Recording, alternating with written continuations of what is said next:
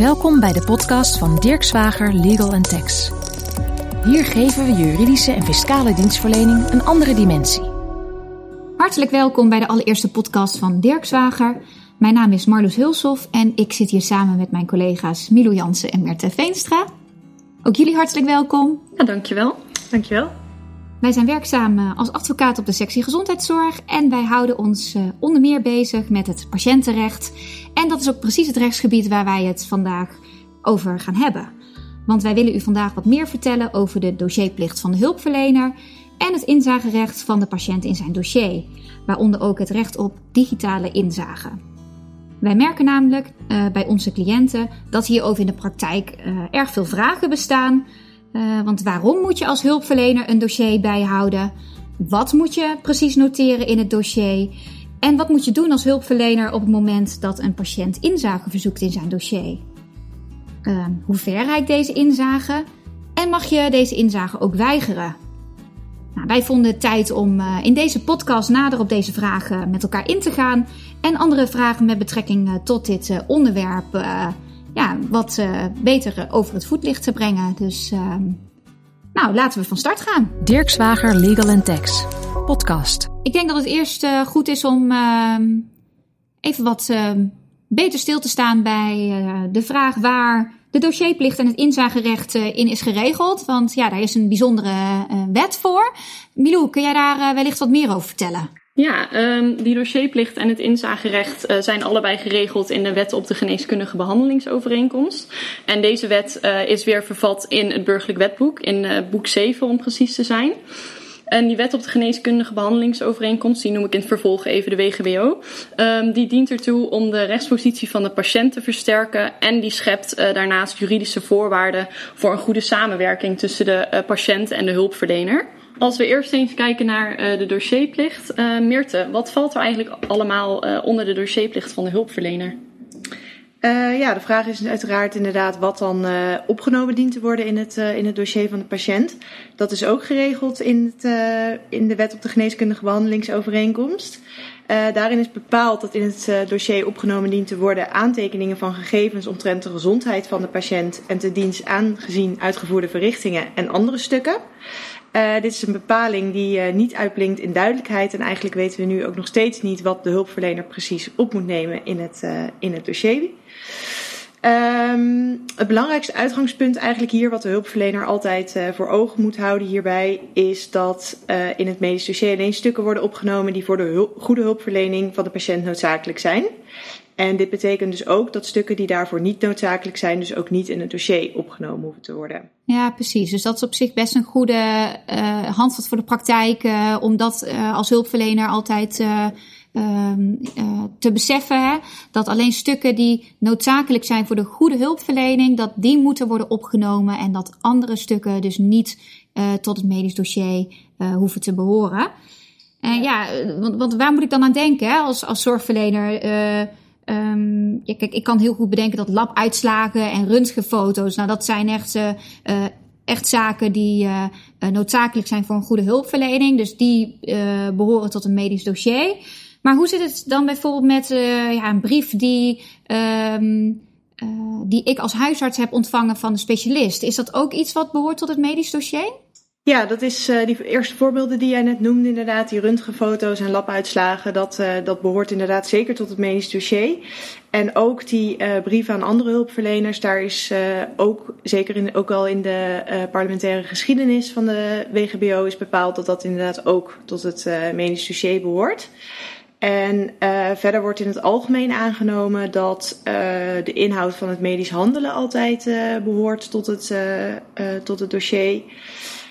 Um, dus daarin kan je bijvoorbeeld denken aan de diagnose van de patiënt, maar ook de behandeling die voorgesteld wordt, uh, eventueel medicatie die de patiënt krijgt. Um, ook gegevens die van belang kunnen zijn voor de continuïteit van de zorg. Dus hierbij kunnen we bijvoorbeeld denken aan het geval dat er uh, meerdere hulpverleners bij de zorgverlening van de patiënt betrokken zijn. Die moeten dan ook weten wat er aan de hand is. Of als bijvoorbeeld uh, de patiënt op een gegeven moment wordt overgedragen naar een andere hulpverlener. Um, ook gegevens die bij een volgende behandeling relevant kunnen zijn. Eigenlijk hierop aansluitend uh, moet de hulpverlener in het dossier uh, noteren. En mocht er uh, sprake zijn van een schriftelijke wilsverklaring van een patiënt, dus dit kan bijvoorbeeld zijn of een, um, um, ja, als een patiënt op een gegeven moment aangeeft onder welke voorwaarden hij of zij niet meer verder wil leven, moet dat ook zeker opgenomen worden in het Ja, en dan kun je dus ook denken aan bijvoorbeeld een uh, niet-reanimeringsverklaring bijvoorbeeld. Ook, dat dat ja. zijn ook dingen die behoren tot het medisch dossier. Ja, ja dit zijn allemaal, uh, allemaal zaken die, die zeker tot het medisch dossier Ja. behoren. Ja. Nee, dat is wel duidelijk, ja.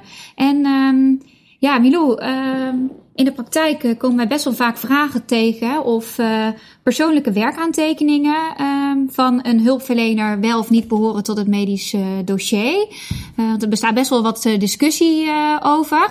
Hoe kijk jij daar tegenaan als advocaat? Ja, um, het uitgangspunt is dat persoonlijke werkaantekeningen die bestemd zijn voor de eigen gedachtenvorming of voor een interne dialoog niet in het medisch dossier hoeven te worden opgenomen. En op het moment dat um, een werkaantekening wel verstrekt wordt aan een uh, andere hulpverlener, dan is het de vraag: is dat nog een persoonlijke werkaantekening? Ja, of moet deze wel worden opgenomen in het uh, medisch dossier? En um, ja, de tendens in de uh, praktijk lijkt te zijn om die dan wel op te nemen in het medisch dossier. En dat lijkt me ook een uh, juiste uitgangspunt uh, voor zover ja, die werkaantekening die verstrekt wordt aan een andere hulpverlener inderdaad relevant blijkt te zijn voor een goede hulpverlening aan de patiënt. Ja, precies. Want blijkt dat, te zijn. Ja. ja. Want dat laatste is natuurlijk wel ook heel erg relevant voor de vraag of iets behoort tot het dossier. Hè? Dat hebben we net al eerder aan de orde gesteld. Dat het echt noodzakelijk moet zijn voor een goede hulpverlening aan de patiënt. Want als ik mezelf een voorbeeld uh, bedenk, um, dat je als, uh, als hulpverlener noteert um, dat um, de zoon van een patiënt ja, uh, agressief is geweest in de bejegening. ja, dan kan je wel afvragen of zo'n persoonlijke werkaantekening die je wellicht deelt met collega's, juist ook om andere collega's te waarschuwen of te informeren dat iets heeft plaatsgevonden, dat je dat niet beschouwt als een um, aantekening die behoort tot het medisch dossier. Juist ook omdat zo'n aantekening niet per se ziet op de goede hulpverlening aan de patiënt. Nee, ik denk dus ook dat het uitgangspunt steeds moet zijn om te toetsen aan die norm. Is het noodzakelijk voor een goede hulpverlening aan de patiënt?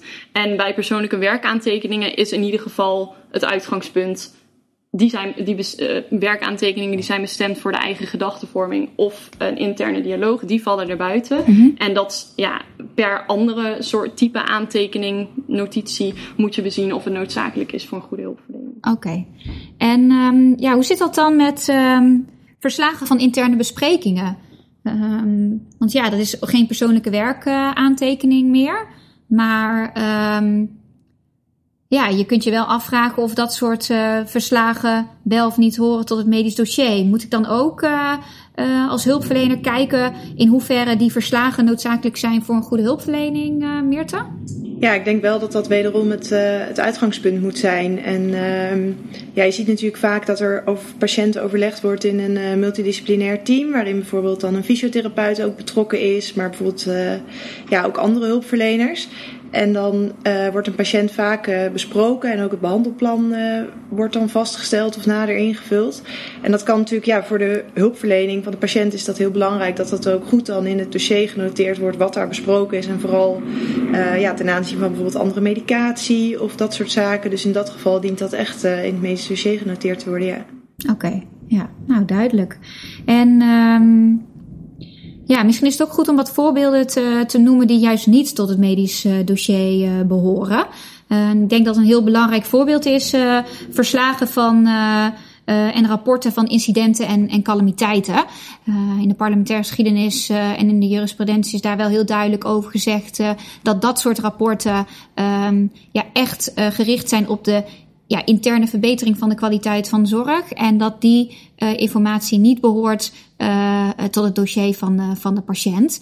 En ik denk dat het wel goed is om dat ook even te benoemen vandaag. Want ja, wij krijgen daar in de praktijk veel vragen over. En ja, waar zou je nog meer aan kunnen denken? Ja, declaraties, hè? bijvoorbeeld um, ja, voor, de, voor de zorg die is verleend. Dat zijn ook stukken die niet behoren tot het medisch dossier. Ja, in aanvulling daarop is het misschien nog goed om uh, te vertellen dat ook uh, correspondentie en stukken met betrekking tot klachten en claims niet tot het medisch dossier uh, behoren. Hierbij kan je bijvoorbeeld denken aan onderzoek wat de zorginstelling zelf, of het ziekenhuis zelf heeft uitgevoerd, maar ook correspondentie met bijvoorbeeld de aansprakelijkheidsverzekeraar. Dat hoeft niet in het dossier van de patiënt opgenomen te worden. Ja, Meerte, dankjewel nog voor deze toevoeging. ik denk dat het een hele goede toevoeging is, omdat we ja, helaas in de praktijk uh, toch wel zien dat er uh, ja, regelmatig uh, klachten en claims worden ingediend. Hetgeen natuurlijk ook goed recht is van de patiënt. Maar het is wel goed dan om te weten dat die informatie niet behoort tot het medisch dossier. En ja, waarom we dit allemaal aan u vertellen, um, ja, heeft ermee te maken dat um, een patiënt ook op grond van de WGBO het recht heeft op inzage in zijn dossier. En dan is het natuurlijk ook van belang om te weten wat precies hoort tot dat medisch dossier. Dus uh, nou, ik hoop dat dat voor u in ieder geval uh, de afgelopen um, ja, ruim 10 minuten uh, duidelijk is geworden. En dan denk ik dat het goed is om nu over te gaan tot het inzagerecht. Want um, ja, een patiënt, zoals u wellicht wel weet, heeft het recht op inzage in zijn medisch dossier uh, op grond van de WGBO. En de hulpverlener dient deze inzage ook te verstrekken op het moment dat de patiënt hierom verzoekt. De patiënt hoeft geen reden aan te voeren waarom hij dat wil. Dat kan hij doen omdat hij uh, wil weten uh, welke behandelingen hij precies heeft gehad. Maar ja, hij zou het ook kunnen doen uh, omdat hij wil weten wie precies welke deel van de behandeling heeft gegeven, omdat hij ontevreden erover is. Um, of bijvoorbeeld wil controleren in hoeverre een behandeling wel of niet juist is geweest. Um, maar ja, um, zijn er dan nog uitzonderingen? Moet je als hulpverlener altijd aan dat verzoek uh, gevolg geven? of mag je ook weigeren om bepaalde informatie te verstrekken? Hoe zit dat uh, precies, Milou? De wet uh, kent inderdaad een belangrijke uitzondering op dit inzagerecht. De hulpverlener hoeft geen inzage te verstrekken wanneer dit noodzakelijk is in het belang van de bescherming van de persoonlijke levenssfeer van een ander. En ja, van belang is wel om op te merken dat dit niet zomaar wordt aangenomen. het is aan de hulpverlener om een belangenafweging te maken. Dus om het belang van die derde, dus van die ander, af te wegen ehm, tegen het belang van de patiënt bij inzage. En het uitgangspunt daarbij is dat het inzagerecht van de patiënt voorop staat. En dat er dus wel een overwegend belang moet zijn van die derde om dat ja, zwaarder te kunnen doen laten wegen. Oké, okay, dus het is echt een belangafweging die je moet maken. Lijkt me best wel lastig in de praktijk. En ja, om daar ook een concreet beeld bij te hebben. Hè, van ja, van wat voor soort situaties. ja, en wat voor soort situaties moet ik dan denken? Ja, je zou bijvoorbeeld kunnen denken aan uh, de situatie dat er in het uh, dossier van een moeder is uh, aangetekend dat er een vermoeden bestaat van kindermishandeling en waarover ook contact is, heeft plaatsgevonden met Veilig Thuis en er nog een onderzoek loopt naar deze vermoedelijke kindermishandeling. Um, en in dat geval hoeft dat deel van het dossier niet te worden verstrekt aan die moeder die inzage verzoekt. Ja, en dat is dan puur omdat het belang van uh, uh, de persoonlijke levenssfeer uh, van de kinderen eigenlijk hè, zwaarder weegt dan het belang van moeder om um, ja, volledig inzage te krijgen in haar medisch dossier. Ja, precies. Dat goed begrijp. Oké. Okay. En de rest van het dossier dient dan wel verstrekt te worden? Ja, dat klopt. Oké, okay. ja, dan is dat, dan is dat duidelijk. Um, ja, in de praktijk uh, krijg ik ook wel eens de vraag van hulpverleners. Als ik iets heb genoteerd in het dossier, bijvoorbeeld um, uh, dat er uh, uh, vermoedens zijn van um, de diagnose kanker. Dus dat er een, een, een tumor mogelijk is gevonden in bijvoorbeeld, bij bijvoorbeeld de darmen of de nieren. Um, en die informatie is nog niet gedeeld met de patiënt. hoe zit dat dan met, met dat inzagerecht? Kun je dan Kun je dan beslissen om dat niet uh, te verstrekken, die informatie, uh, Meerte? Is dat ook nog een uitzondering? Dat is inderdaad een uitzondering. Die is ook in de WGBO opgenomen. En het komt er eigenlijk op neer dat in hele, hele uitzonderlijke situaties inderdaad de arts de mogelijkheid heeft om in dit geval dan die diagnose op dat moment niet aan de patiënt ehm, te vertellen en ook op dat moment dus niet in het medisch dossier te noteren. Mhm.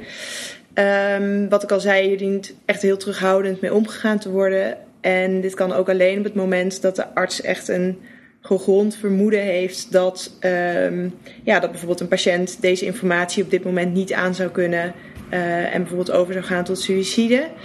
Um, en daarbij is ook van belang dat arts dit ook altijd eerst met een andere arts bespreekt. Voordat mhm. hij inderdaad besluit om zo'n diagnose niet mee te delen en dus ook niet het meest dossier te noteren. Ja. En wat nou als hij het wel heeft genoteerd in het dossier? Wat betekent dat dan? Want uh, is er dan, want ik zie uh, in de wet alleen staan dat er uh, een uitzondering is op het moment dat de persoonlijke levenssfeer van een derde in het geding is. Ik zie geen andere uitzondering staan. Betekent dat dan dus dat op het moment dat ik als arts dit noteer in het dossier, dat um, ik die informatie wel moet verschaffen aan de patiënt? Ja, dat klopt inderdaad. Op het moment dat een uh, dergelijke diagnose wel in het medisch dossier is genoteerd door de arts en op dat moment verzoekt ook een patiënt om inzage, dan zal inderdaad die arts dat, uh, dat wel moeten verstrekken. Mm -hmm. Nou zal dit zich natuurlijk in de praktijk wellicht niet heel vaak voordoen, omdat natuurlijk op het moment dat je als arts besluit om van die medische exceptie gebruik te maken en een bepaalde diagnose op dat moment niet aan de patiënt mede te delen, moet je dat wel binnen afzienbare tijd wel doen. En dan zou je dus de situatie moeten hebben dat precies in die tijd dat de diagnose niet medegedeeld wordt, dan, moet je, dan zou dus een patiënt ook in, verzoek tot inzage moeten doen.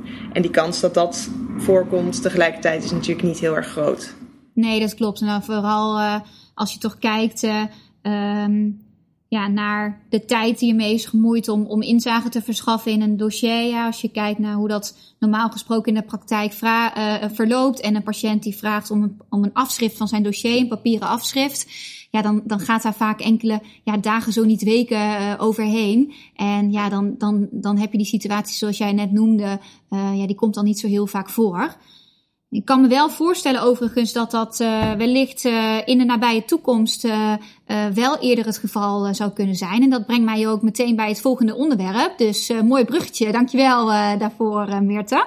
Um, want ja, de wet um, ja, is, nou ja, de wet zelf niet, hè, de WGBO. maar er is wel onlangs een andere wetswijziging geweest.